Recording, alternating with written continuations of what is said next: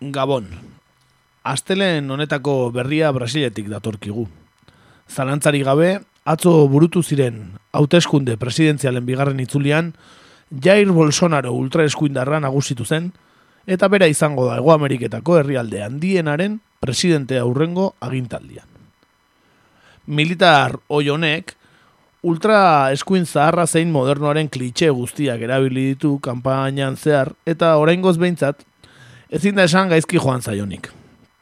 Homofobia, arrazismoa, abortoaren kontrako jarrera, zein erio zigorraren aldeko diskurtso erligioso, erligioso klasikoenak erabiltzeaz gain, ultraeskuin ekonomikoaren totemak ere bere gain hartu ditu ekonomia ultra neoliberalaren aldeko apustua eginez. Hau dena gutxi balitz, Brasilen izandako azken diktaduraren gorazarre ere egin du. Gauza korrela eta estatu batuetan zein Europan ematen ari den ultraeskuinaren gorakada ikusita, badirudi iraganean bizitako ziklo batera bultatu garela. Are eta okerrago, bizitako ziklo horren 2.0 bertsioa ezagutzen ari garela alegia. Historikoki, fasismoak izandako ideia sortari, hogeita bat garren mendeko politika neoliberal agresiboena uztartu zaio. Eta sortu ditzaken kalteak erraldoiak izango izan daitezkela esatea, ez da inongo erokeria. Brasilean gertatutakoa kanpo eskusartzeri gabe gertatu izana nekez sinistu daiteke. Azken hogei urteetan, nagusiki Europartzen estatu batu botere guneetatik, Ego Ameriketan abian jarritako proiektu politiko progresisten kontrako oldarraldi ekonomikoak, politikoak eta militarrak bere emaitzak eman ditu. Proiektu horien gaur egungo egoera aulak eta ultraeskuinaren gorakada interkontinentalak Jair Bolsonaroren mesederako izan dira, zalantzarik gabe. Garai ilunak datoz Brasilarrentzat, baina baita Ego Ameriketako gainontzeko herrialdeentzat ere. Tamalez edo zorionez, iraganak eman dio Ego Amerikari guzti honen inguruko irakaspenik, baita erresistentziarako adibidederik ere. Horretarako indarrik baute dagoen, ziurtatzea dator orain. Kaixo, hemen hasten da, gaur egur. Guten Tag, meine Damen und Herren. Entering the United States. C'est la lutte contre le terrorisme. Katea ez da eten. Agirre, garaikotxea, leizaola. Gaur egur. Gaur egur. Gaur egur. Jolasten eta enredando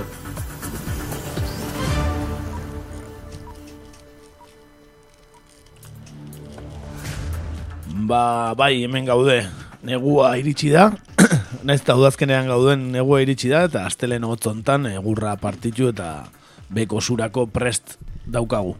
Kaixo, ongi etorri? Keixo, gabon. Kaixo, gabon. Eta babai ultraeskuina gora doa, baina, bueno, hemen egongo gera gu salatzeko eta komentatzeko eta eta ateratzeko gaizikin guzti horiek izango dituztenak. Dudari gabe, gu ere gora goazelako. Hori da, hori da, gu ere gora gatoz, Twitterren ere bai, e, lehenko astean bidal, e, bidalitako galdera amaitu da, eta emaitza paregabeak izan dira, e, gogoratuko ez du, MTV zein talde jotzea nahi zuten e, aldetzen genien gure Twitter jarraitzaileei, eta, bueno, goldea daz, e, laja eta landakan irabazi dute. Zalantza- Duda gabe, zalantza izpirik ez zegoen, ez? favoritoz Hori da, dian, dudik gabe. Gu, gure favoritoak baita, eh? Hori da, hori da. Bai, bai, gabe. noski, noski. Euneko irurogeita batak, pa, ba, laja eta da gati bozkatu du. Euneko hogeita maikak pantxoa eta peio, euneko sortziak Fermin Muguruza eta inork ez du bota bozkatu horreaga zazpi zazpi sortzi batik. Ez dute ikusten entibin. Guk ere ez genituen ikusten egia. Ez nahiko komplikatu egiten zen, ez as, asko zegokiagoa dirudi lajata landakan da izatea, ez? Bai, bai, noski. Beno, ba, aste honetan ere bialiko dugu galdera bat, eta nola ez genekien ze gai erabili, ba, bueno, ba, askotan errekurrente izaten den gai bat, edo, bueno, humorera jo dugu. Izan ere, hilea azteko formula magikoa duen Svensson etxeak, Euskal Herriako kanpaina berri bat abiatuko duela jakindu gaur egurrek, eta argi ikusi du merkatu handia duela gure herrian, Svenssonek, eta ba, guk galdetzen dugun e, galdera da, ez, behin jakinda ba, kanpaina hori sortuko duela Svensson hilea azteko enpresak, baiaz izango den iragarkiko protagonista, eta okurritu zaizkigunak, e, A, Andoni Hortuzar, badu, badu burua hilea azteko, eh? E, Iñaki Anasagasti, e, beretan horrazkera, bueno, modernoena duen polit, euskal politikoa. Hipsterren agian, ez? Hipsterrena, bai, aspalditik gainera, eh? Ez dudari gabe, bai. Gero, ba, emakume bat ez dugu hile faltan somatzen, baina zein daki, bazpare, ba, agian e, horrexegatik e, irudi bikaina eman dezake kanpainan, maialen hiri artek. Eta gero guretzat berriz ere favorito izan daitekeen, eh, Jose Ignacio Munilla, ez? Munilla obispoa, hori izan daiteke benetako kanpaika da, eh? Hori, gabonetako iragarki ikusiena izan daiteke, eh? Jose Ignacio Munilla ez Benson eh, iragarkia egiten, eh? Zein daki. E, hortxe bidaliko dugu aldera, oraintxe bertan, bidalita, eta nahi dezuenean, erantzun bakizue, arroba gaur egurren, orki gaitzak ezuela, Twitterren, eta, bueno, ba, galdera zoro hau bidali eta gero, ba, bertan gaurrekin hasiko gara.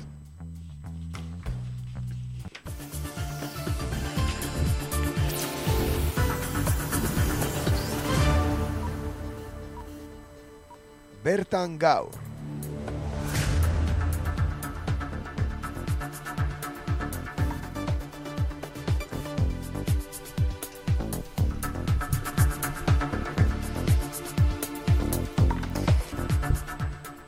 Beno, eta bertako berrietan, ba, agian e, azteko berri garrantzitsuena izan dena, eta ez, ez ustekoa ere izan dena esan dezakegu, ba, Estrasbu- Estrasburgok ebatzi duena, ez? E, ez dela eskubiderik urratu zigorrak ez batuta, ez? Hori erabaki du Estrasburgoko giza eskubideen Europako auzitegiak eta azaldu du Espainiako legiarian ez zegoela zigorra batzea aukera gisa jasotzen. Ez zutela Espainiako legerian jasotzen.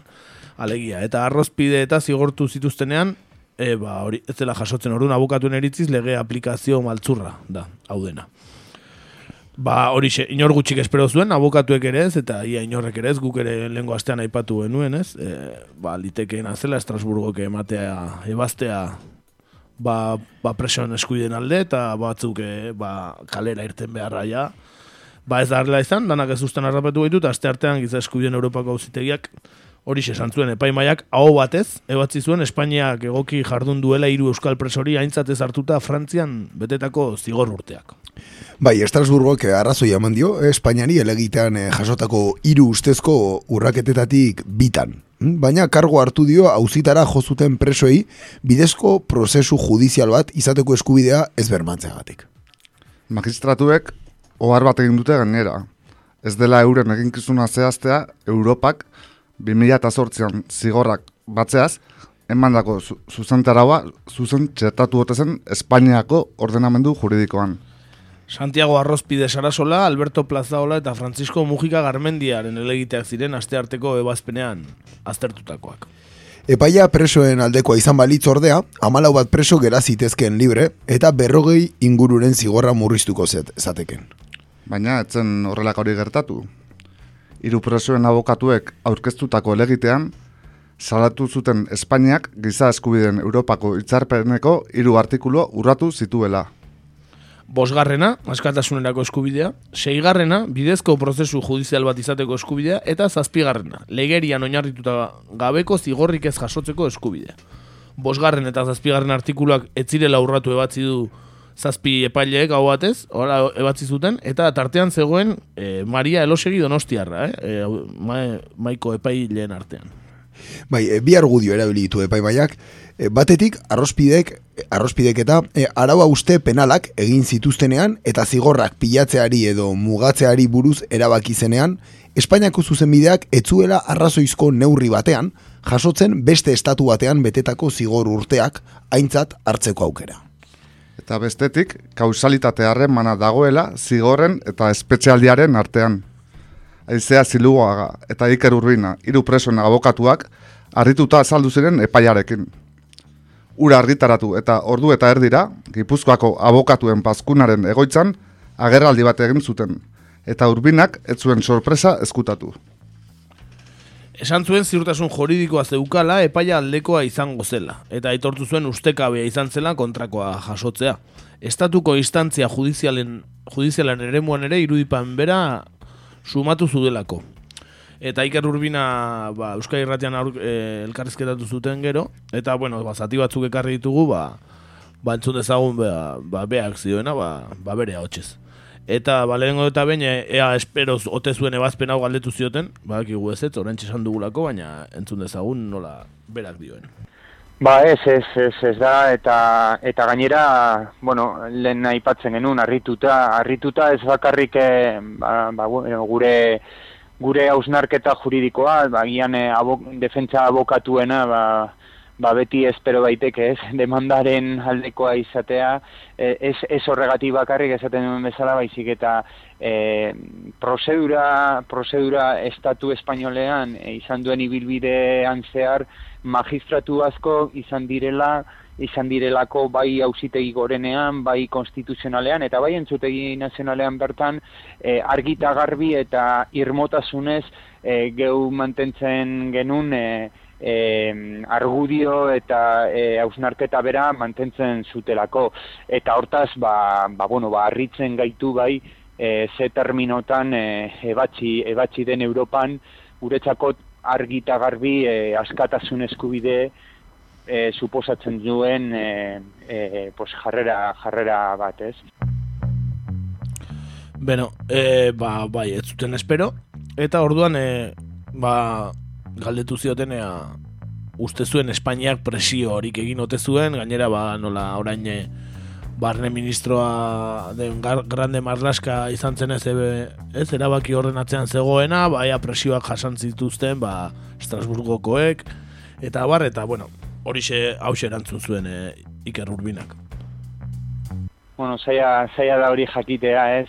Bia bere momentuan esaten genuen, agian, e, e, ba, bueno, ba, e, esaten genuen e, e, ebazpena egon arte pues, e, ba, arriskutsua zela valorazioak egitea, baina lehen aipatzen nuen, nuen e, hausnarketa horren horren barruan ba, ba, guztiok espero genuen eta ni neuk, e, ni neuk ez nuen gure aldekoa baino espero, ez? Eta orduan, ba, bueno, ba, hortan sorpresa izan da. E, bertan zerbait gertatu den edo ez, ba, ba, bueno, ba, zaila da eta e, zaila da jakitea, argi dagona da, ba, ba gure ustez e, e, suposatzen du e, egun askatasunean egon behar ziren e, e, zenbait pertsonen ba, bide hori bide hori iztea eta eta hortaz ba, askatasun eskubidearen urraketa jarraitzea. Beraz, e, ba, bueno, ba, guri dagokiguna da, dauden e, bideak edo egon daitezkeen bideak ondo ondo ausnartu, ondo jorratu eta saiatzea saiatzea lan egiten, ba saiatzeko e, lortzen, baina barkatu lortzen saiatzeko pertsona hauen askatasuna, gure ustez hori delako e, Europar legediaren arabera e, dagokiena. Beno, ba, usteak erdi ustel, geratzu zaizkie, ez? Eta orduan ba ea elegiterik egongo ote den e, galdetu zioten Iker Urbinari hementxe bere erantzuna. Bueno, orain e, hortan e, hortan ari gara astartzen aber e, bueno, ba, horretarako dagon bidea zehatza da, e, zorrotza, zorrotza da ere juridikoki eta orduan e, bueno, mm, ari garena da e, ebazpena ondo astertzen, ikusten e, egon daitezken e, zirrikituak eta eta baloratzen e, baloratzen e, e aukera dagoen e, ba, e, areto nagusira juteko horretarako e, iru hilabeteko EPA daukagu.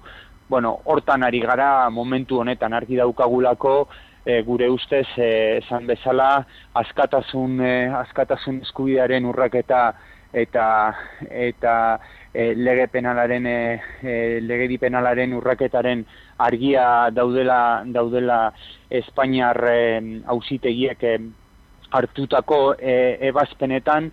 Eta hortaz e, ba bueno basaiatuko gara azken e, azken muturreraino joeten e, ba, ba saiatzeko lortzen esan bezala e, pertsona hauek askatasunen ustea. Beno, ba, guzti honekin, ba, berak ere esango digu zenbat preso zeukaten e, ba, eragiten zien, ez? Erabaki honek zenbat presori eta ba, berak esango digu guk esan baino lehen. A ber, bai, gutxi gora berako datuak e, ditut, e, azkenean nik e, lau pertsonen demanda baino ez dudalako tartekatu, baina uste dut, bai, e, gaur ebatzi diren hiru hiru preso eta zaparte, badaudela berrogei bat e, demanda inguru, jada tartekatuta e, zera, e, e, Europako hausitegian, hoiek egongo, egongo ziren, ba, azkenengo tramitazioaren tramitazioaren zai, Eta bai, e, igustut, e, printzipioz, e, era orokor batean, gero kasuz kasu aztertu beharko da, eta nabardurak egon daitezke, baina, bueno, komplikatua da, e, printzipioz gaur, e, gaurko ebazpena, e, eragina izango du zalantzarik gabe pendiente dauden e, pendiente dauden demanda hoien e, e, pues, ebazke, ebazteko ebazteko orduan nola dola bai baldintzatzen du beste jada tartekatuta daukagun beste demanda hoien etorkizuna bai Bueno, orduan ba, jurisprudentzia ingo dut, aurrengo elegitea jarrita zudenak, ba, berdina esango dietela, ez? Hala ere, ba, ba omen dago elegitea jartzea ez aide Bruselakoan edo Estrasburgotik kanpo, ez? Bai? Bai, e, bera komentatzen zuena, e, areto nagusira errekurritu daiteke. Bai, hau da Estrasburgoko, ez, gizesku bien ausitegianen sala bat, eta badago aukera ja areto nagusira eramateko elegite bai, hori. Berak azalduko egun nola, ezin duten abokatuek beraiek elegite hori jarri. E, bai, eta eta bai gustatuko litzenake argi ustea gauza bat. E, gaurko ebazpena ez da eremu hortan sartzen. Ez dago ez dagokiolako berari aztertzea ea bere momentuan Espainiak e, Europar batasunaren e, e, erabaki markoaren transposizioa egokia egin zuen ala ez. Hortan ez da sartzen e, gaurko ebazpena, ezin zelako hortan sartu. Hortaz, hori e, eztabaidatzeko eta hori aztertzeko e, nola doala horren inguruan sortu daitezken zalantzak e, dagokio Luxemburgoko epaitegiari, e, Europar Batasuneako justizi epaitegiari. Eta esan bezala, bai, printzipioz horretarako bidea e, ez da e, zuzenean nola doala kaltetuei dagozkion e, e, barkatu kaltetuei ezin dira zuzenean joan, baizik eta epaitegien epaitegiak planteatutako kuestioen bidez edo jada bestelako e, bestelako instantzia politiko politikoetatik Europar batasuna Europar batasunatik eta bar. Orduan, egia da honetan garrantzitsua dela kontu bat eta lehen aipatzen nun e, ibilbide, gure demanda izan duen ibilbidearen e, zehar Espainiar e, Espainiar ausitegietatik bai konstituzionalean, bai hausitegi e, gorenean eta bai entzutegi nazionaletik, egon dira e, magistratu nahikotxo planteatu dutenak e, transposizioa etzela ondo egina, edo bintzak zalantza zeudela e, ere e, kontu ezberdinekin. Eta inkluso planteatu zuten e, kuestioa lusatzea e, Europar, bat, e, Europar batazuneko tribunalari. Hori hor dago, egia da e, iru, e, epaitegietan bidea moztu zen, baina realitate bat da, horren inguruan ere, ba, e, zalantza juridikoak oso zabala dira ez dizela bakarrik e, defentsa abokatuen partetikan, baizik eta jurista zabalen partetikan e, aurre ikusten da, ba, egindako transposizioa erabat e, e, desegokia izan dela. Hortaz, hori hor dago pendiente, hortan ere, egia da zuzenean guk ezin bagara jun ere gure alegin guztiak egingo ditugu ba, behar diren eh, behar diren e, alegin guztiak hain zuzen ere dagokionari pues, bide hori irekitzeko eta saiatzeko e, astertzenea transposizio e, Europar batasun embarkatu Europar legediaren transposizio egokia egin zen ala ez e, baloratzeko.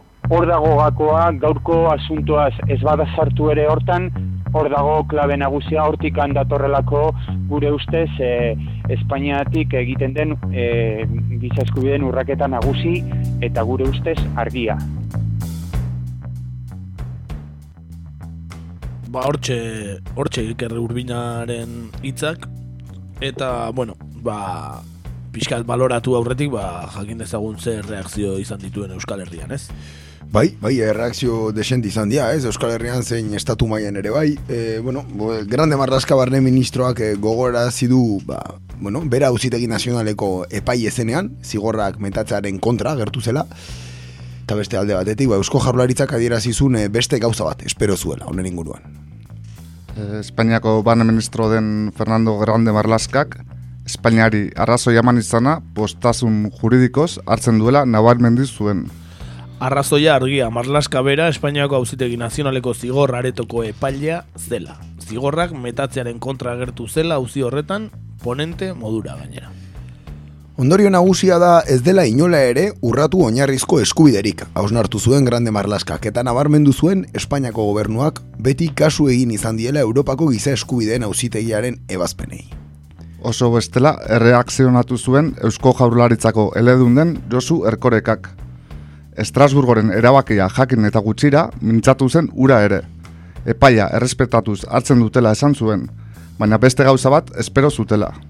Erkorekak adierazi zuen Estrasburgoren erabakia zirrikitu bat dela Euskal Presoi aplikatu zaien salbuespeneko espetxe politikan. Hori dela eta Eusko Jaurlaritzaren apustua, esparru arau emailearen aldaketa dela nabarmendu zuen erkorekak, horrela giroa baretu eta Euskadiko normalizazio politikoa errazteko. EH Bilduk berriz, salatu egin zuen Euskal Presoei zigorrak luzatzeko eta askatasunera heltzea oztopatzeko Espainiako estatuak erabiltzen duen ingeniaritza juridikoa. Kontrako norabidean mintzatu ziren nola ez, e, alderdi sozialista eta alderdi popularra. Idoia mendia PSeko idazkari nagusiaren iritziz, positiboa da giza eskubideen auzitegiak emandako epaia eta bertan esatea Espainiako erresumak modu egokian eta zuzenbidea errespetatuz aplikatzen dituela zigorrak. Alfonso Alonso, Alfonso Alonso Euskal Autonomi Elkarteko peperen presidentearentzat epaia mezu bat da Espainiako justiziaren funtzionamendua zalantzan jartzen dutenentzat. Ongi funtzionatzen duela eta giza eskubideak defendatzen dituela. Hori esan zuen. Bueno, zer esango dugu ba? Ba, bueno, e, ebazpen harrigarria eta, bueno, gehiena joko eskan utzi dituela, ez? Baita Espainia ere nik uste, ez eta postu diren. Nik uste beraiek ere zutela horrelakorik espero. Eta, bueno, ba, presoen gaia ez da hau bakarrik, baina, bueno, ba, batzuk ja da ateratzekoak ziren ebazpena kontrakoa balitz, eta orain, ba, ba berdin jarraitzen dugu. berdin edo kerrago. Bai, egia esan, e, bueno, presoen e, alorrari dagokionez, e, oso, ez, ba, puntako gaia zen hau, ez, ebazpen honek, ba, bueno, e, haien egoera desblokeatzeko zegoen, e, bueno, esperantza bakarretako bat, ez, zala esango nuke, eta, eta, bueno, kasu honetan, badirudi, ba, bueno, iru, iru preso hauek ez, behin abokatuek sartutako ba, bueno, salaketaren kontra egondako emaitza honek, ba, ez duela batera errezten bidea.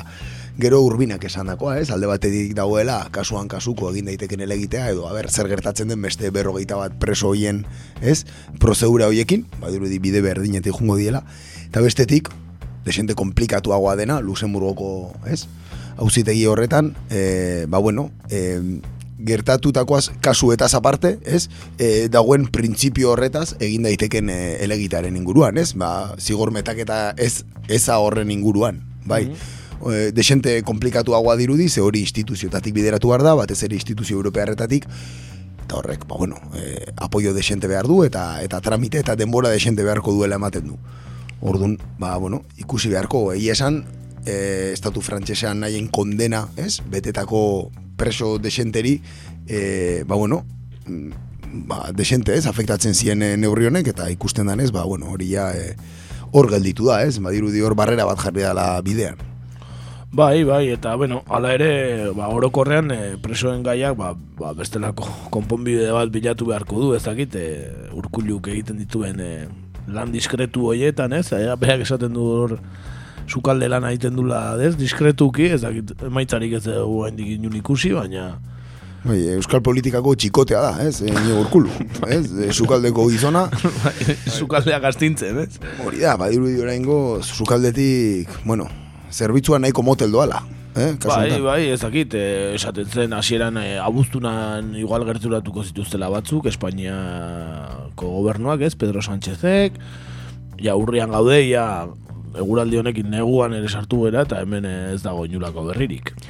Duare gabe, eta hor gelditzen da, ez? Hemendik aurrera e, parametroak, ez? Presioen inguruko hauzian konponbidean parametroak hor kokatzen dira, ez? E, urbilketa hoien e, zai egotea, eta batez ere, Estatu Espainiarrak eukiduen jarreran e, daude esperantza guztiak, ze beste alde batetik ez dago ezer itxaroterik.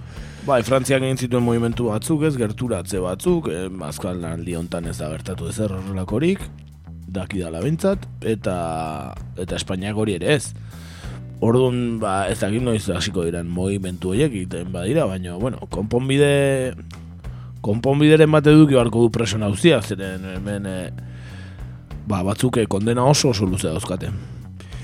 Bai, bai hori alde atetik, eta bestetik ere egia da, ez, nire iritziz behintzat, badagoela sentsazio bat beti, ba bueno, ez, eh, arriberarekin eh, estroputzitan egitearena, ez, e, batez ere gauzak e, planteatzeko moduan, e, gu barnez aurreko astean nahiko konbentzituta genden, geneuken informazioaren arabera, ez, epai hau e, presoentzat favorablea izango zela, ez, eta hor, badaude ez, ba, bueno, puntu batean e, informazio jakin batzuk zabaltzen dituzten e, komunikabideak edo organismoak alderdi politiko sindikatu korokorrean hitz egiten dut, e, nahiko esperantza arriskutsuak sortzen dituztenak, e, ez bakarrik presoengan baizik eta beraien senidengan.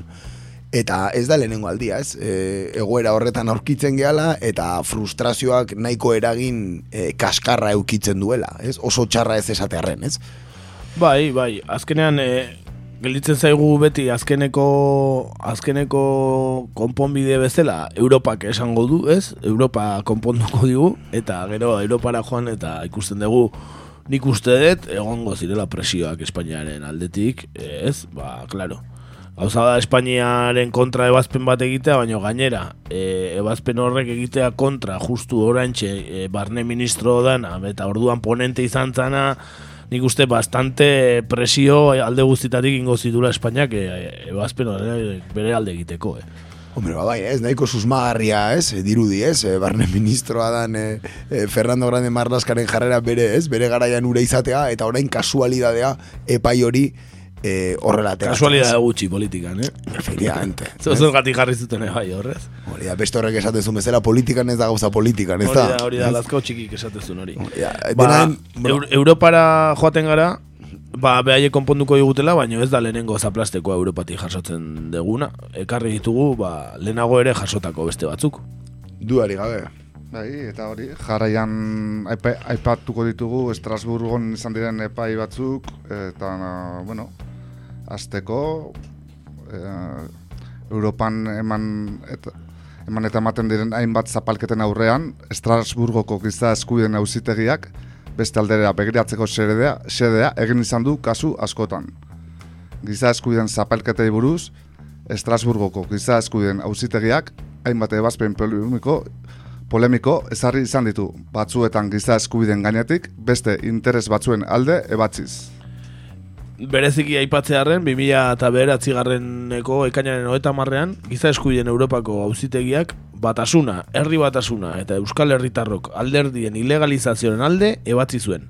Ilegalizatutako alderdiak etarekin identifikatzen zirela ebatzita. Bai, epai polemiko batzuk aipatzearen, Estrasburgoko giza eskubiden auzitegiak Belgikan nikaba debekatzearen alde emandako epaia ere badago.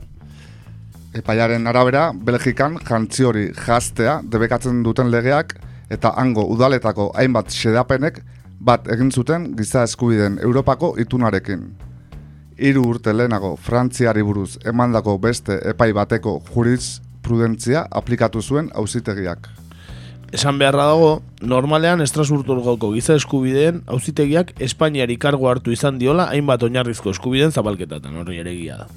Bai, aipatzaren nabar bentzeko, ba, paro doktrinarekin gertatutakoa. Eh? Nun, e, 2008 garen urtean, e, Estrasburgoko gizaskudeen auzitegiak atzera bota zuen, eh, paro doktrina bera. Eh? Eta bestalde, beste adibideat, eh, Juan Maria Tutxa, Kontsi Bilbao eta Gorka Kenerren aldeko ebazpen eman zuen sozialista bertzaleak talde parlamentarioa ez desegiteagatik. Ba, horixe, eh? bat, bat eh, alde eta beste bat kontra ematen du Estrasburgok, eh? ematen du, hola, eh, zera, bota, txampona bota, eh? kara okruz, eta segun zatatzen da, ba, alde edo kontra. Daneti dauka. Bai, han ere miraririk, eh? Ez, ez, Ez, Europa zai, Europako, eh? giza eskubideen eh, epaitegia, ba, bueno, ba, Europan sinisten ez dugun ontzat, ba, ez da ezer berria, ez? Hori da, ez, nik ere hori da, sentsazio bera, akat, ez, askotan kontzeptuen e, nasketa bat egoten dela, eta nahiko desitxuratzen dela Europako gizaskubien auzitia bera zer den, ez? E, Europar batasuneko, bueno, beste instituzio bat eta zari gara, ez? E, influentzia politiko oso handiak dituena, hau da, e, bueno, e, impartzialidade judiziala nahiko, ez? Ez baien euki dezakena, esate bateako, Eta, claro, kasu honetan nik uste dut jende askok beti auki duela, ez? E, auzitegi honen inguruko oso imagin positibo bat, ez? Ba dirudi, e, Estatu Espainiarrean hain, hain gezki egiten direla gauzak eta hainbeste e, bueno, zapalkuntza eta eta desastre juridiko egin izan direla, e, kanpokoak inpolutuak izango direla pentsatzen dugu askotan, Ba, ez? eta beste herritan ere, ba, daneti dago. Ardi asko.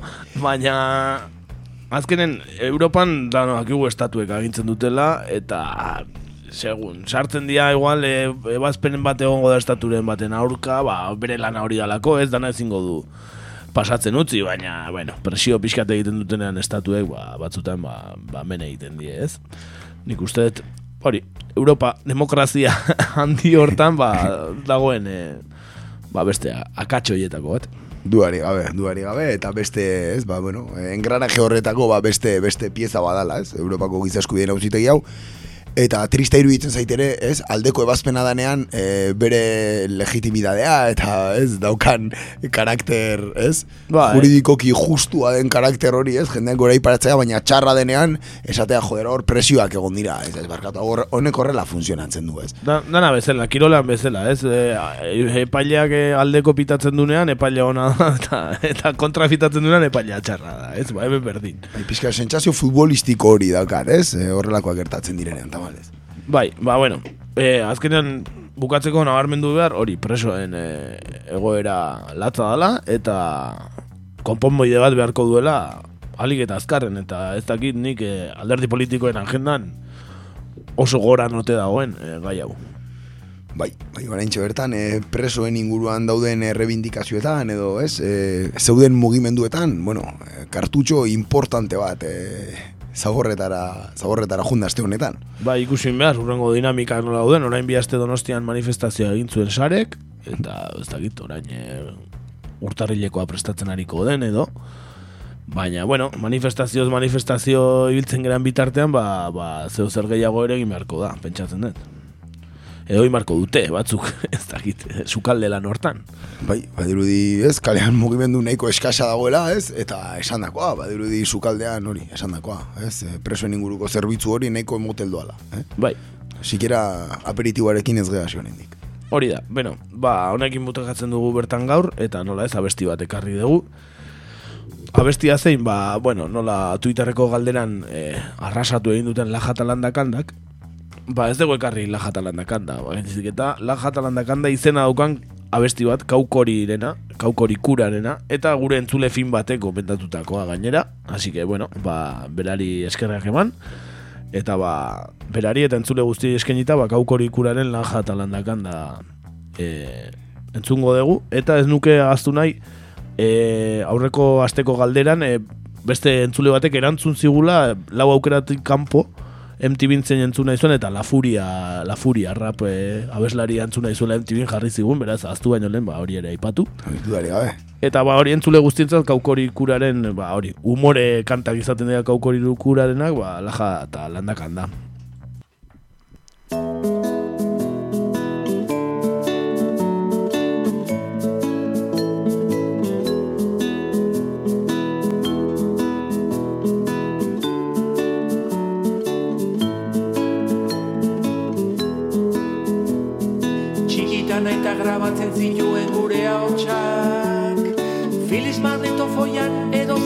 Virginia.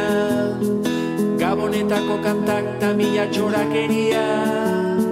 Ta arrebak esku soinue jotzen zuen batzutan. Eta gu pozik entzuten genuen Andre Madalen. Naiz eta bera jotzea oso gustoko ez izan. Zinta haiek alako batetan desagertu ziren. Baina oroitzapena dauzkagu gure bihotzetan. Ta guretzat itoiz eta ertzainak zian bezala.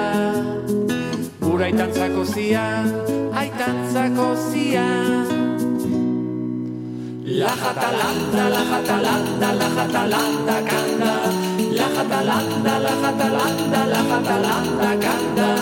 La jatalanda, la jatalanda, la jatalanda kanda. La jatalanda, la jatalanda, la jatalanda kanda Gurason gandi txikitan jasotako maitasuna. Gero bizitza guztirako balioko dizuna. Etzazue aztu zuen umekin olako keitea.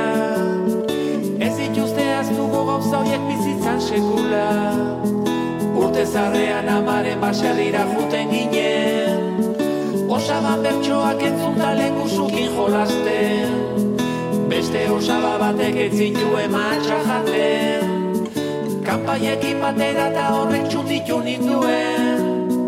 Horrez gero ikasi nun gauzak nere modu neiten Ta bihotza posten zait trikiti xantzuten La jatalanda, la jatalanda, la jatalanda kanda. La jatalanda, la jatalanda, la jatalanda kanda. La jatalanda, la jatalanda, la jatalanda kanda. La jatalanda, la jatalanda,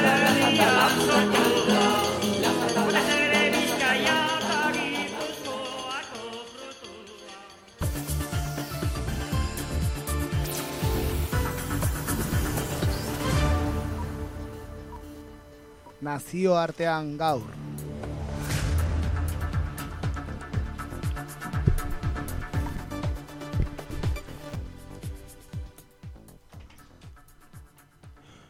Bueno, ba, gaur kontan, eh, aldegun eh, makoitzen egiten degun moduan, eh, Afrikara, jungo gea, eh, nazioartean gaur gure sekzio hontan, eh, bertan aste hontan, ba, berri inedito bat gertatu delako.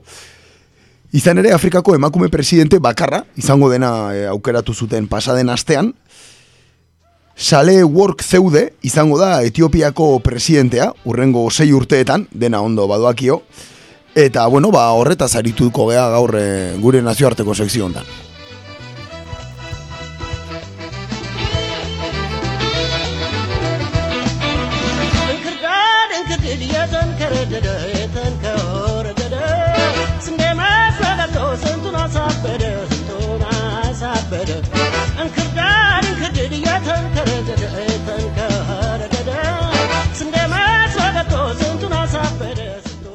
Izan duen karrera diplomatikoa ikusita, ia denek uste zuten sale work zeude erretiratzekotan zegoela.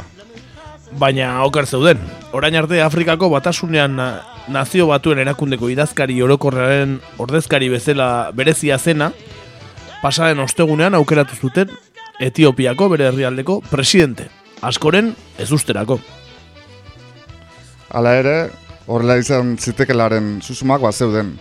Pasaden asteat, astean genero berdintasunean oinarritutako gobernu bat abian jarri baitzuten. Amarna emakume eta beste hainbeste gizonez osatutakoa. Emakumei garrantzizko ministerioak emanaz gainera. 2000 eta amairu garen urtetik Etiopiako presidente izan den mulatu Texomek bere dimisioa aurkeztu ondoren iritsi da boterera Sale Work zeude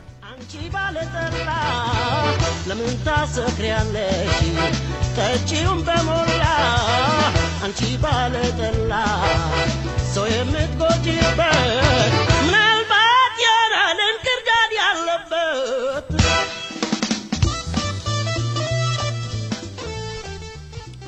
Egindako lehen hitz hartzean bere posizioa ondo markatu du Sale Work zeudek. Eta lehen ministro den Abi Ahmed ek- egindako aldaketa hauek begionez hartzen dituela adirazi du. Etiopian burutzen ari diren aldaketak emakumezkoek eta gizonezkoek batera egiten badituzte, lan honen emaitza erligio, etnia edo generoen diskriminazio gabeko Etiopi- Etiopia bat izango dela ere adierazi zuen. Guzti honi, emakumeak bake ezanen lehen biktimak bilakatzen direla gaineratu zuen eta emakumeen parte hartzea ezinbestekoa izan behar duela pobreziaren erradikazioan. Haien parte hartze eza, inestabilitate faktore bat delako bere aburuz. Baina zen da sale work zeude? Egin dezaiogun bere bilbidari errepaso bat. ስንቱን አሳበደ ስንቱን አሳበደ ሙያሽን ሳያውቆ መልክሽን አይቶ ወደ ኋላ ሄዶ ባንቺ ተይዞ ብታርም ይሻላል አይሆንም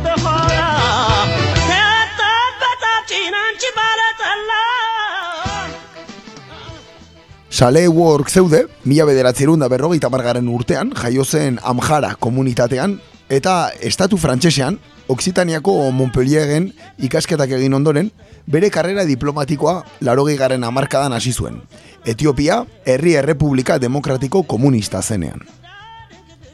Frantses hizkuntza oso ondo memeratzen zuela eta bere lanaren gehiengoa herrialde frankofonetan egin zuen. Eta mila behatzen da larogeita beratzi garren urtean, Senegalera destinatu zuten. Mila bederatzen da larogeita mairutik 2000 eta bira, Dipiutin enbaixadore lanetan aritu zen horretaz gain Etiopiako nazioarteko garapen agentziare zuzendu zuen. Djibutin pasatako bederatzi urte hoien ondoren, Frantziara bueltatu zen Parisen Etiopiako enbaixadora postua hartzeko. 2006 garren urtean, Addis Abebara bueltatu eta Afrikako gaietarako zuzendari izendatu zuten atzerri ministerioan. Bere azken postua nazio batuen erakundean izan zen erakunde honek Nairobin duen Afrikako egoitza nagusian. Eta bertan goi postu bat ere izan zuen.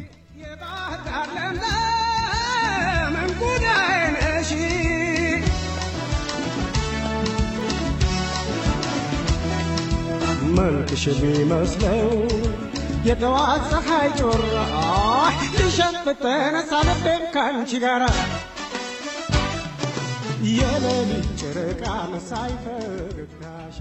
Bere perfilari erreparatuta, ez zirudien Etiopiako postu politiko batean amaituko zuenik, are gutxiago presidente moduan, bertan oso denbora gutxi lan egin duelako.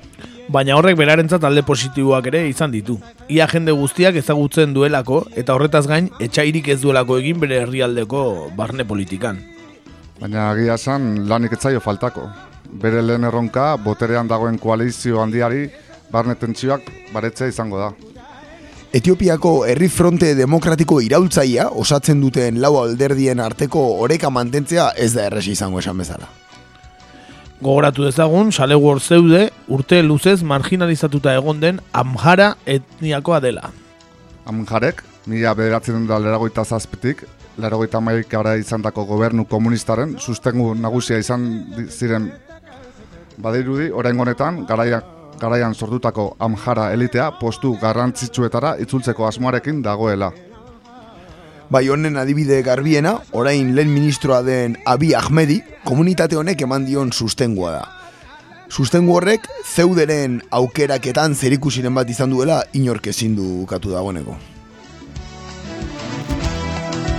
Aranxen gudain, መዓዛሽን ሽቶ አካል የጨረሰው ፍቅርሽ አሰቃይቶ መልክሽ አስደንጋጭ ነው የሐምሌን ጨለማ Nazio artera begiratuta, badirudi zeude Etiop Etiopiako presidente aukeratu izanak Frantziari onuraren bat ere dakiokela, ekar dakiokela barka. Esan bezala zeude frankofonoa da eta gainera urte asko pasa ditu estatu frantsesean, non mundu diplomatikoan erlazio ugari ere egin dituen. Bestalde, egoera hau Afrikako adarrean azkenaldian Dubairen mesedetan galdutako influentzia berreskuratzeko probestu ezake estatu frantsesak.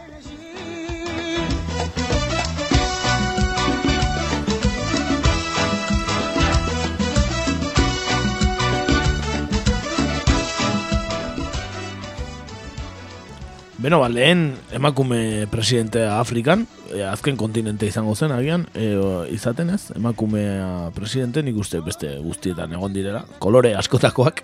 Bai, e, de hecho, hor badago, e, konkrezio bat itearren, bai, e, momentu hontan dagoen e, emakume presidente bakarra da, ez, e, zeude, baina aurretik, e, egon omentzan larogei tamargarren amarkaan, bai, emakume presidente bat Liberian, bai, Liberiako presidenta izan zen e, emakume bat, bai, beste gabe, konkrezio itearren, Baina hori, kasu honetan, badirudi gauza nahiko ineditua dela, ez? Afrikako herrialde guztietan, ba, gizon bat dago boterean, ez?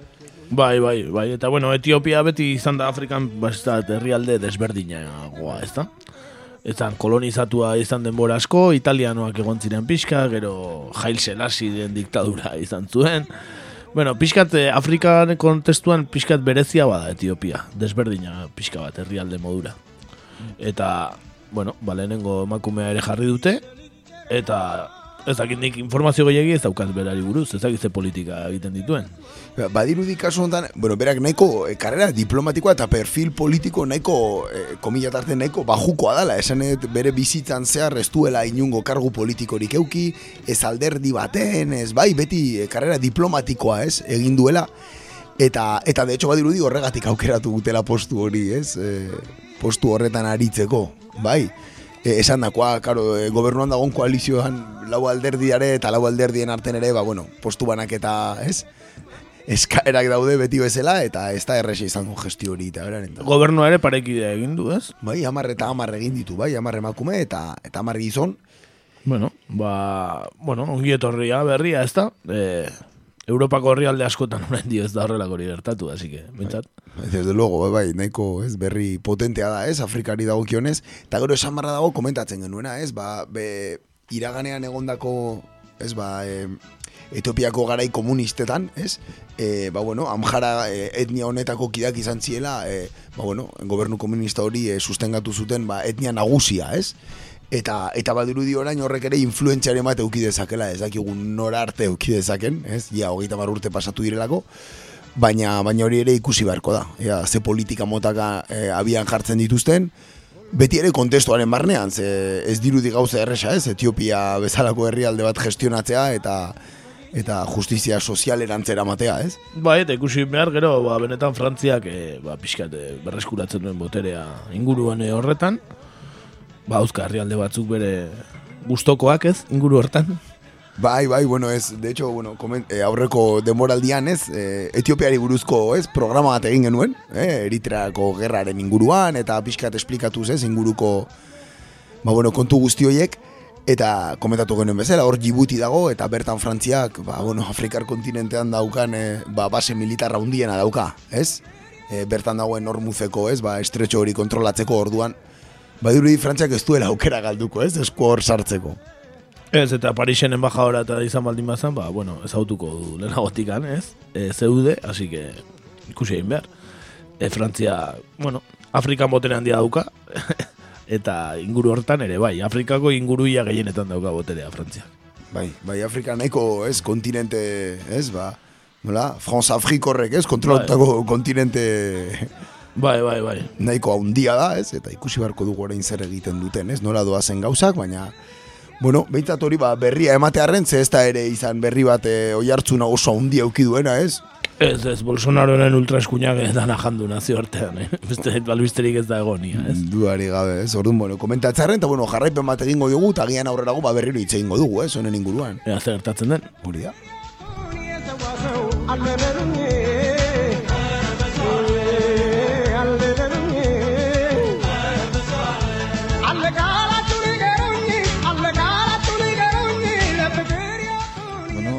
Bueno, eta jarraian efemeride edo data historiko batzuk ekarriko ditugu gora.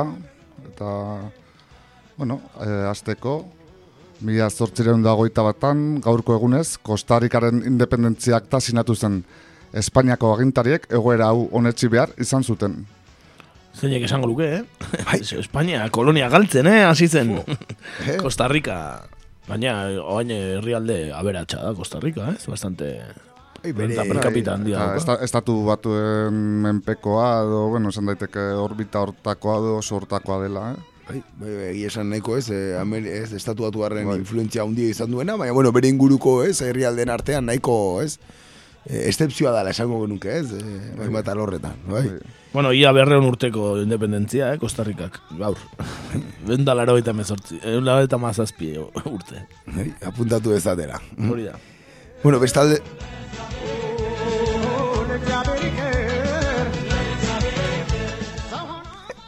Oxe, esan bezala bestalde, ba, bueno, eh, mila bederatziru ondo geita bian, gaurko egunez, Italian, eh, fasisten erromarako martxa e, baina egun bat geroago, Victor Manuel Irugarrenak Mussoliniri eman zion gobernu berria osatzeko enkargua, eta Mussolini ministroen kontseiluko buru izatea agindu zuen. Lehen ministro karguaren e, ekibalentea dana Italian.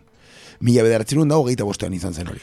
E, urte hortan, or, esan bezala, dutxe izen hartu zuen Mussolinik, e, zeinak e, nagusi esan nahi duen, eta Italia diktadura totalitario fascista bateran bilakatu zuen. Fasisten kontseilu handia delakoak lagunduta, eta segurtasun nazionaleko milizia eta indar armatu irregularrak ziren alkandora beltzak e, delakoak legeztatu egin zituen, eta beldurraren diktadura ezarri zuen. Non ondo prestatutako violentzia aroa ezarri zuen, eta talde horiek ondo baliatuta, eta prestatuta zeuden poliziaren laguntzarekin, Italiako kalen jaun eta jabe egintzen e, Mussolini. Bai, bestalde,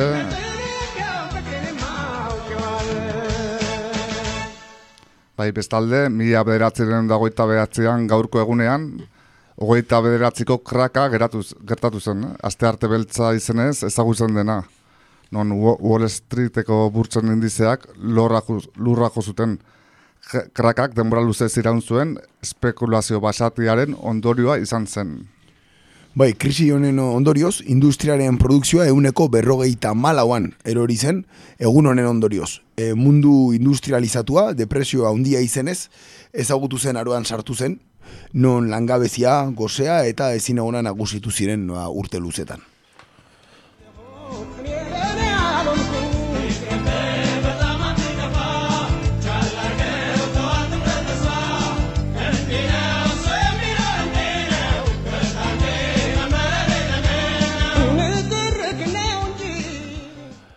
Eta gaurko egunez, e, orain dela amabi urte, Brasilen Lula da Silva presidente aukeratu zuten bigarren aldiz, e, bozketetan aldea hundiarekin nagusituta gainera.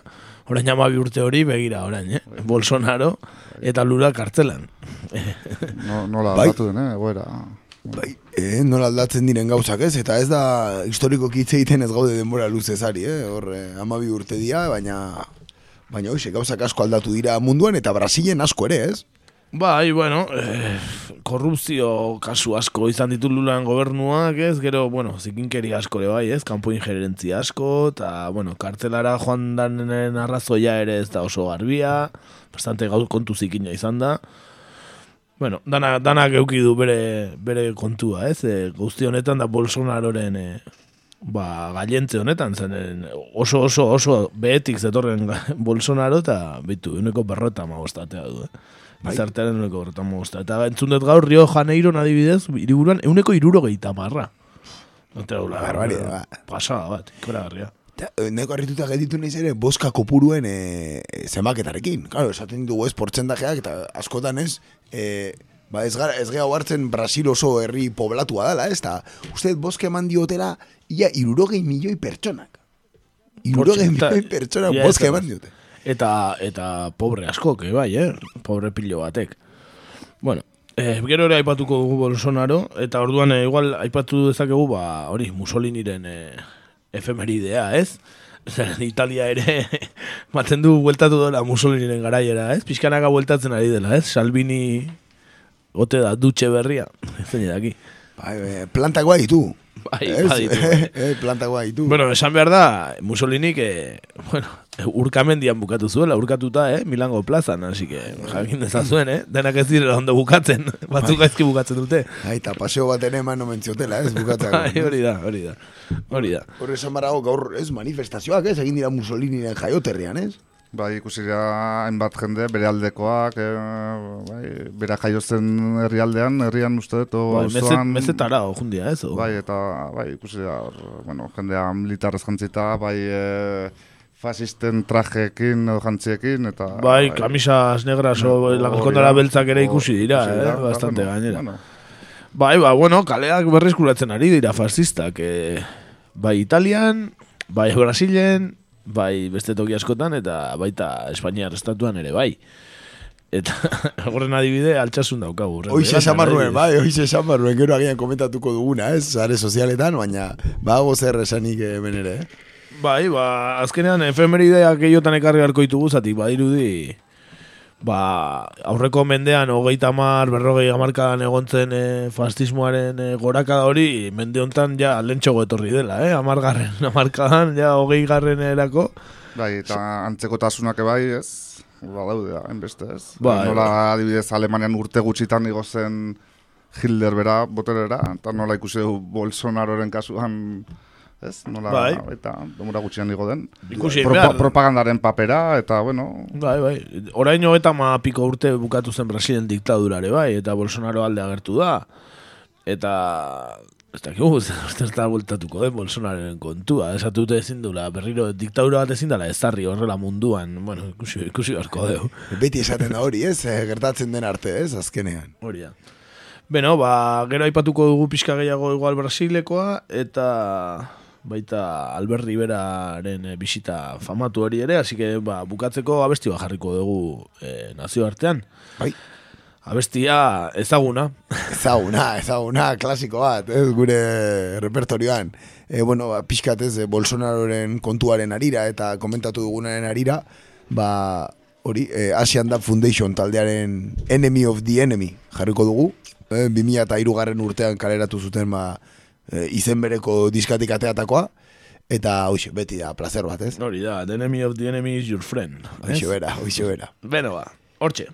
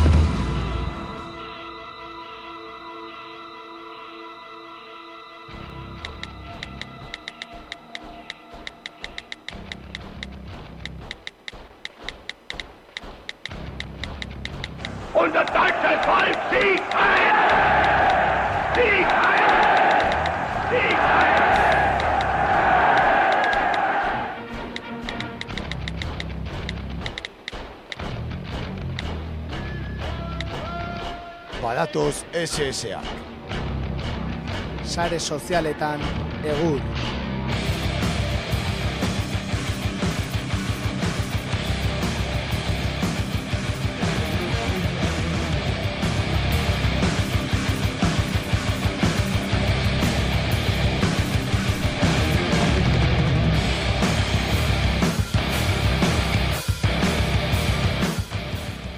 Bueno, inoiz baino egokioago datozkigu e, metal e, metal doinu fastista hauek, zeren egia esan e, sare sozialetan ekarri ditugunak e, gaurkoan e, danak fastismoaren ingurukoak dira.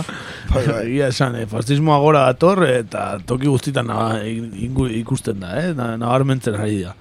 Lehenengo eta behin, e, ba, Kataluniatik datorren e, fastista puska, Albert Rivera, eh, batuita jarri zuen lenguan, eh, se han confundido. Miren bien el mapa. El próximo domingo iremos a Alsasua, Navarra, no a Euskal Herria, que no existe.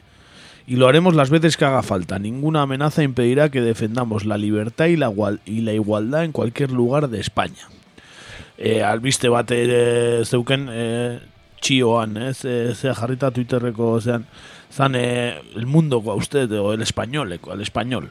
Ustedes zala, no pasaréis por Euskal Herria. Alsauso se prepara para recibir a Rivera. Eta, bueno, pankarta zan, eh, sare antifascistarena edo. Euskal Herritik ez dira pasako, ez, eh, Ba, fast, al- sare antifascista jarritako kartela, eta horren, horren kontura jartzen zuen Albert Riverak hori, ez? Es que se han confundido que vamos a Navarra, que Euskal Herria no existe. Eta Oscar Matutek, erantzuten zion, mírate el Estatuto de Autonomía este que lo mismo te deja un poco mal. Eta est, eh, estatu Gernikako estatuto, ez, autonomia estatutoko lehenengo artikulua jartzen zuen, eta lehenengo artikulua hola hasten da. El pueblo vasco Euskal Herria, como expresión de su nacionalidad y para acceder a su autogobierno se constituye en comunidad autónoma, tereré, tereré, tereré. Eta gero jartzen zuen, tendrán eh, derecho a, a, a ser parte de esa comunidad autónoma o lago zeo zer, Ara- Araba, Gipuzkoa, Bizkaia eta Na- Nafarroa jartzen zuen gaina. Estatutuan bertan jartzen du, Euskal Herria hitza, eh, bere Siquiera- konstituzio maiteak onartzen duen. El- Laugarren sedapena, ez? Bai. Ez dela zautzen da hori, bueno, Bai. aipu hori izango dela, pentsatzen dut. Bai, bai, baina lehenengo artikulon ja esaten du, hori, el pueblo vasco Euskal Herria se constituye, es que lehenengo, lehenengo artikulan, ez, ondo Oskar Matuto hor bide- hor abilibilizan, Bai, ez, bizkor Oskar? ibili da hor, eh? Bai. Oso, oso ondo, bai, bai, bai. Egia esan, bai, bere legediaren barne dauden, ez? Konsiderazio horiek ere, bueno, ez ditu kontutan hartzen beharrez ba, ez? Bai, edo ba, gogorarazi, inor norbaitek ez baldin badaki, ba, ba, igande hontan, datozela altxasura, eta bai Vox eta bai PP ere esan dutela etorriko direla. España, por España ciudadana, deitzen zan, e, de, deitzen da, deialdia. Guardia Zibilaren alde, altxasun, eta hacer piña. autobuska fascista etorriko da altxasura, eta ez dakit, erantzuna, nik ez irakurri erantzun, e, hola, E, Denetarik ez ikusia, e, dei aldiren bat bazegoen, ez? Komertxo guztiak isteko, leio guztiak isteko, beste deialdiren bat ere bazegoen, e, ahoa isteko hau ere, osea, esan edo ja modu tradizionalago batean, ez? Bai. Esate baterako, pixkat denetarik irakurri da hortik, ez? E, Ez dakit, ez dakit nola erantzungo duen jendeak. E, danetarik egongo da, batzuk pentsako dute ez kaso egitea dela honena, beste batzuk erantzun egin beharko zaiela eta bertara joatea izango dela, baina ez dakit, ez dut ikusi ezer antolatuta kontra manifestaziorik, edo ez dakit utziko luketen ere e, egiten. Nahiko zaila ikusten dute, altxasu baten, baina, bueno, egia esan, e, bueno, erantzuna dagoen bitartean izan da dila dana, ez? Bai, ongi etorria izango da bai. Erantzuna, ez? Edo Albert Rivera. Da, bi- Biak hor badago eh, hitz joko bat, ez? Hori da, hori da. Bai, bai, bai, bai, bai, bai. Badago bai. Agian urrengo, ez, urrengo ciudadanosen, ez, eh, eh, mitina ez dakit ninguten, Lima, Perú, o en algún territorio de estos, ¿no? Que Bai, será parte de España todavía, el Ba, solidario. noski, ¿cómo va noski, Costa Rica, igual, bai, izango, ez? Bai, ba, horixe. Ba, aurrengo astelenen emango dugula berri, ez, Albert Riberaren eh, kontu eta ze, zer esaten duen, eh, una grande y libre, o zer esaten duen altxasun. Obvia, la Guardia Civil, el orden Oh, de la ley, el rey, eh. eta danak, ez? Soltauko izkigu. Eta pinpan toma la kasitos igual ere esango du. Bai, bueno, ikusiko dugu, ja, gau pasatzen etortzen gizona. E, gai ez aldatuko dugu, eta, bueno, musika pixka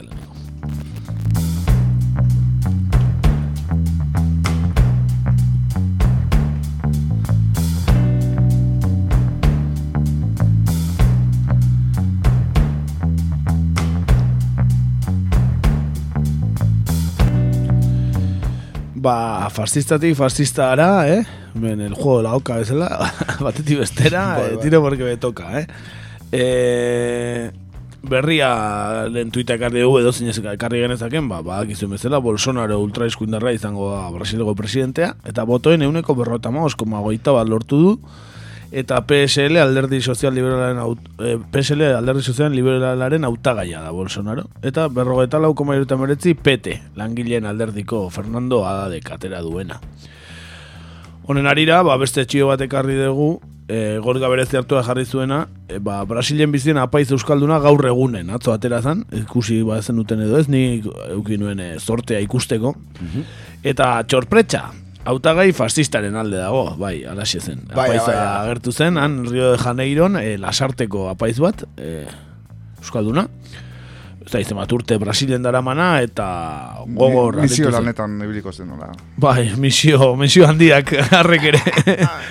eta eta bai, e, esate zuen etzela bere hautagai favorito Bolsonaro, baino bai, e, Peteri bozkatu baino askoz lehenago bozkatuko ziola Bolsonarori, ala esan zuen e, apaizak, eta bueno, aipatu behar dugu, ba, bai Elizak eta bai Eliza evangelistak ere, ba, euki dutela bere pixua Bolsonaroren aukeraketan. Bai, bai, entzuten denez, bai, adibidez e, fabeletara eta auzo txiroenetara, e, beraien mezua iris, e, area iristeko, ba, Elizak e, papel garrantzitsua izan duela, ez? Eta, bueno, ba, zaita paizen edo bitartez, ba, nola e, bueno, bertaratu duten mezu hori, e, auzo txiro horietan, eta, bueno, ikusi da, e, emaitzak izan dituztela. Bai, bai. Honek, apaiz honek esatezun, eh, adibidez, eh, gelditu nintzen eh, mezutako batekin zan, Bolsonaro irabazten dunen Brasilgo bandera ateratzen du. PTkoek bandera gorria ateratzen dute. Así mismo. Hore, pentsakera polita hori. Ba, bai, esatezune bai, nola Bolsonaro ekarriko zuen eh, ordena eta segurtasuna, eh, diala Klasikoa, bigitz oso, hor, eh, buah, eh, fascistentzako está. bigitzola oso, eh, totem, eh. Ordena eta segurtasuna. eh, ba, terrible. Gero, claro, abortuaren alde daude apetekoak, eta nola apaiz batek ezin duela abortuaren alde egon, esaten zuen lasarteko apaiz honek. Ez, ba, bueno, bere arrazoiak. Bai, hobeto da egotea, ez? Erio zigorraren edo tortura legalizatzearen alde, ez? Bolsonaroren programan agertzen den bezala. Bai, hori, hori Jesu Kristok etzun, eh, ez erraipatu horri buruz. Denen, eh, hola, eh, proposamen moduan oso interesgarria litzake hor Euskal Diasporan dauden eh, fascistoide guzti hauen inguruko mai inguru bat egitea, ez? Bai, bai, aurrekoan ere TV baten, eh, nola beste irrat, eh, programa hau dago, eh, oain, porai juten diana, urranditan, urranditan. Urranditan, bai, bai, bai, bai. zane, bai, Venezuelako bat, eh, hola, bastante agintzen zuen bergarako apaiz bat, eh, Bai. esate zutela zala oposizioaren eh, burua, bere, izkutuko burua, esate zuten. Hori dakau Venezuelan, Brasilen, bueno, hemen hau gure fitxajea. Eh, bueno, denok gogoratzen dugu, ez? Aurreko denboraldiko Trump ekingo dau. Eh? Trump egingo da, bai, lehenkoan ekarri genula, bai, bai, hone, hau antzeko azane, bai, eh? Lortu nahi izan dut audioa, baina ez lortu, ETB zail jartzen du audioak lortzea, eh? Gazta polemikoak. Eta, bueno, ba hoxe, ez, badirudi Euskal Diasporaren zati bat, benetan, ez, oso elkarrizketa garri bi, ez, bilakatu daitekela, eh, benetan. Bai, bai, Euskal Diaspora, bueno, ba, beti euki dugu, ez, Euskaldun asko jondiala brigadista eta internazionalista asko izan ditugula, ez, Pakito Arriaran eta beste asko. Eta ala da, eh, eta ala da, baina, eta ala baina claro. beste aldea ere badago. Hoxe bera, eh, txamponaren bestaldea ere, Beste aldea badago. hortxe dago, ez? Eta zenbat e, e, Ego Amerikako diktadore o diktadoren ondoko edo bigarren edo militar postu askotan zenbat euskal abizten dauden ere bai, eh? Hori zergatik, zergatik izango da ere. Bai, hori kolonialismoaren garaitik, ja, e, birreinatuak eta zeudenean, ja, hainbat e, Euskaldun, bueno, jatorrizkok, eh, ja, papel oso esanguratsua izan zuten, beti danik. Eta, Bai, bai. bueno, izaten jarri zute. Oain neokolonialismoa deitzen den hortan. Bai, bai, apaizek Bai, eta bai. bai, eta Euskal Enpresek ere eukiko dutean, e, Iberdrola eta abarrek ere eukiko dituzte, bai, neokolonialismo adarrak ere izango dituzte, seguru. Taja dagoen lekuan, Euskaldun emat beti agertzen da, eh? esan barra dago. Bai, Bolsonaro buruz beste zeo zer? Guk orde barko ditugu baita, eh, beste un batzutako. eh. Bai, bai, eukiko dugu oraindik ez? Oain, e, utzi barko diogu nola da presidente izaten den e, e, eun egunak, ez? Lehenengo eun egunak utziko izkiogu, eta gero ikusiko de, ba, ber. Luze ingo direla usteet, eh? baina bai bai hortxe utziko ditugu, ez da? Bai, hori da.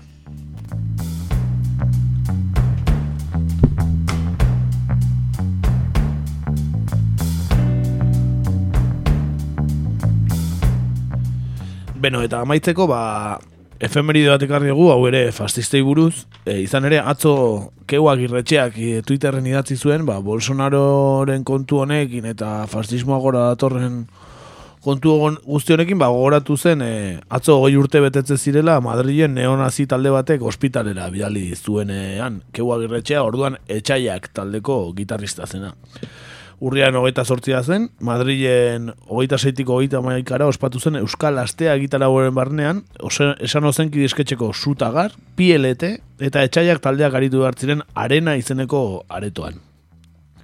Azken talde honek, etxaiakek, e, e, salatu zuen, ba, eraso fascista batek behartuta ezin izan zuela em- emanaldia burutu. Gertakizuna Gran Bian eman zen, e, gaueko behatzi terditan, etxa, etxaekeko taldekideak aretoko bidean atzeratu geratu zirenean. Momentu hartan, neonazi talde batek e, aprobetxatu zuen gudari, gupidari gabe ba, segada bat egiteko, eta bertan, ba, ez da zer, ba, zauriak izan zituen odoletan, eta gero jarraitzen zuen ariak, eh? aria luzeagoa zen, baina, bueno, dan-dan ez genuen ekarri ber. Baina hori, Badakite botilaren batzuekin eta jo zituztela eta bai. Bai, bai, eta azkenen- ospitalean, ez? Bai, ospitalen bukatu zuen keuek beak, gitarristak eta etxaiak ez zuen kontzertua jo. Eta, bueno, ba, ikusteko, ba, neonaziak eta fascistak, ba, aspalditik daudela hemen, ez dela ezer berria, orain indarra hartzen ari dela, baina, bueno, hobe, aspalditik egon direla inguruan. Bai, hemen e, ultra eskuinaren inguruan zerbait badakigu, ez? Bai, e, pertsonaje famaturen bat edo beste ere izan genuen herri hontan. Eh? Bai, bai. uste gure irratxa entzungo duenik, baina... Entzute mari madu, bueno, garantziak eta... Orantziak ze euskera zain dio, seguruena ulertuko du. Nik ez izan. Igual intimitatean itzen du, aznarrek katalana bezala. Horrela, ez, hori da. Seguruena. Ba, horixe, ba, gogoratuz neonazien eraso hau etxaiakena, ba, abest, azken abesti bezala etxaiaken abestia ekarri dugu. Etxaiaken abesti bat, ba, zein ekarriz genekien eta bakearen guda ekarri dugu, ez? Nahiko esanguratxoa gaur hitzein ditugun gai guztientzako. Eta besterik ez, zeo zer gehiago aipatzeko geratu baldin bazaizue? Ba, gogor junda astea, ez? Baina, bueno, urrengo asterako egurra partitzen jarraituko dugu eta eta ea zer egin dezakegun, eh? Hori da, gogoratu inkesta hortxe daukagula, orantxe bertan 50-50, Iñaki Anasagasti eta Jose Ignacio Munilla. Leia, le, leia handia, bai. Leia handia, leia handia. Andoni Hortuzar oraindik ez du inorre bozkatu, eh? hori ere esan beharra dago. Eta bi estilo oso diferente gainera, ez? Eh, Batez ere jean, ez? Hor, eh, badira bi moda diferente, ez? Josi Nazionena eta Iñakirena, ez? Bai, askoz ere, hombre, Gal anuntziorako Anasagasti hobeto, baina Munillak joku asko eman dezake, eh? Eske, muniak daukan flow hori ez da kanasagaztik, Bai. eh? Bueno, Hau da. ba, gogoratu hortxe daukazuela inkesta, eta besterik ez, datorren astean, e, bueno, zubi luzearen ondoren hemen izango gara. Astelenean e, egongo da zer aipatu eta zer egur partitu. Duari gabe. Bai, Ba. hemen- hemen izango bera, bai. Saiatuko gara bintzat. Hori da. Bueno, ba, ondo izan, eta etxaiaken bakearen guda abestiarekin datorren astera arte. Zain du gaiztok izan. No, gabon.